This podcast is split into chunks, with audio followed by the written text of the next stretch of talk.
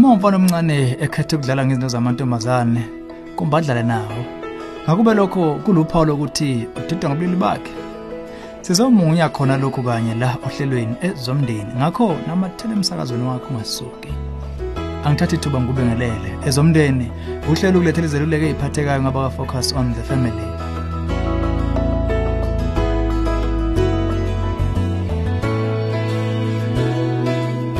Sizwe kumama okhathazekile obuze wathi ngingamvumela yini umfana wami ona-3 weminyaka uba adlale ngokugqoka ingubo nodadewabo?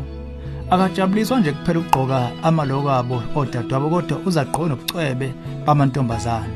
Kimi lolu phawu alwehli kahle. Ngingalumisa kanjani? Hayi ngoba kumele ummise.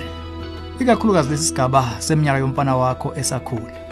Kunalokho kumele umbuke eduze bese uqinisekisa uchezuka kukho ngesikhathi esiyiso nesizotha. Eminyakeni emithathu izingane zisuke zisagcwele inkungu nje ngokobulili ngisho nangobazo imbala. Ziyabona ukuthi abafana namantombazana abefani kodwa ukuthi kanjani ngane nokuthi kukuphi la kunomehluko khona kusuke kungakase kuze engqondweni. Kulesi sigaba zisuke singakacabange kwezingubo ngokobulili. Lokhu kuya ngokuya khanye emva kwesikhashanyana. Okusemqoka manje ukuthi ungene kulomqondo wakhe sakudlala. Lo mfana ugqoka lezi ngubo zodadewabo ngoba yilokho akubonayo njengamanje futhi ufuna ukuba ingxenye yemidlalo naye. Ngokwakhe kuyindlela yokuzifaka emhlabeni wodadewabo futhi azizwe eyingxenye yawo naye engabi usimayedwa nje. Bengabe olunyeke udaba uma kuukuthi kulesimo bengekho ntombazana okudlala nayo lapha ugqoka ingubo vena ayisukele nje ayidumela ingubo engaboni ezinye ingane zidlala ngazo. Okwamanje asibone kunento emele ukuba ukhathazeke ngayo.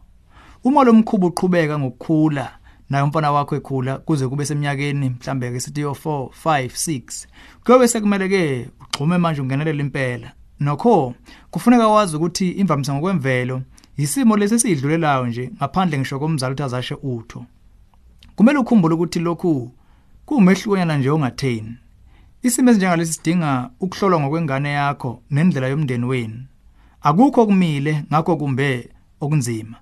Akukho futhi okudinga uqhathaniswa kweingane ngakho zethembe uzokhona ukwazi kungekudala ukuthi ukudlala nje komngane kumbe ubhene imbila yithutha qobo. Okwamanje na kuzokusiza futhi ukuqaphelisisa ugqozo umfana wakhe adlala ngalo lomdlalo wakhe. Uma uqala ukuza ukuthi inhloso nqangi ukuxhumana nodadewabo kuukuba ngumva kwezinye kunokuyidlalela nje.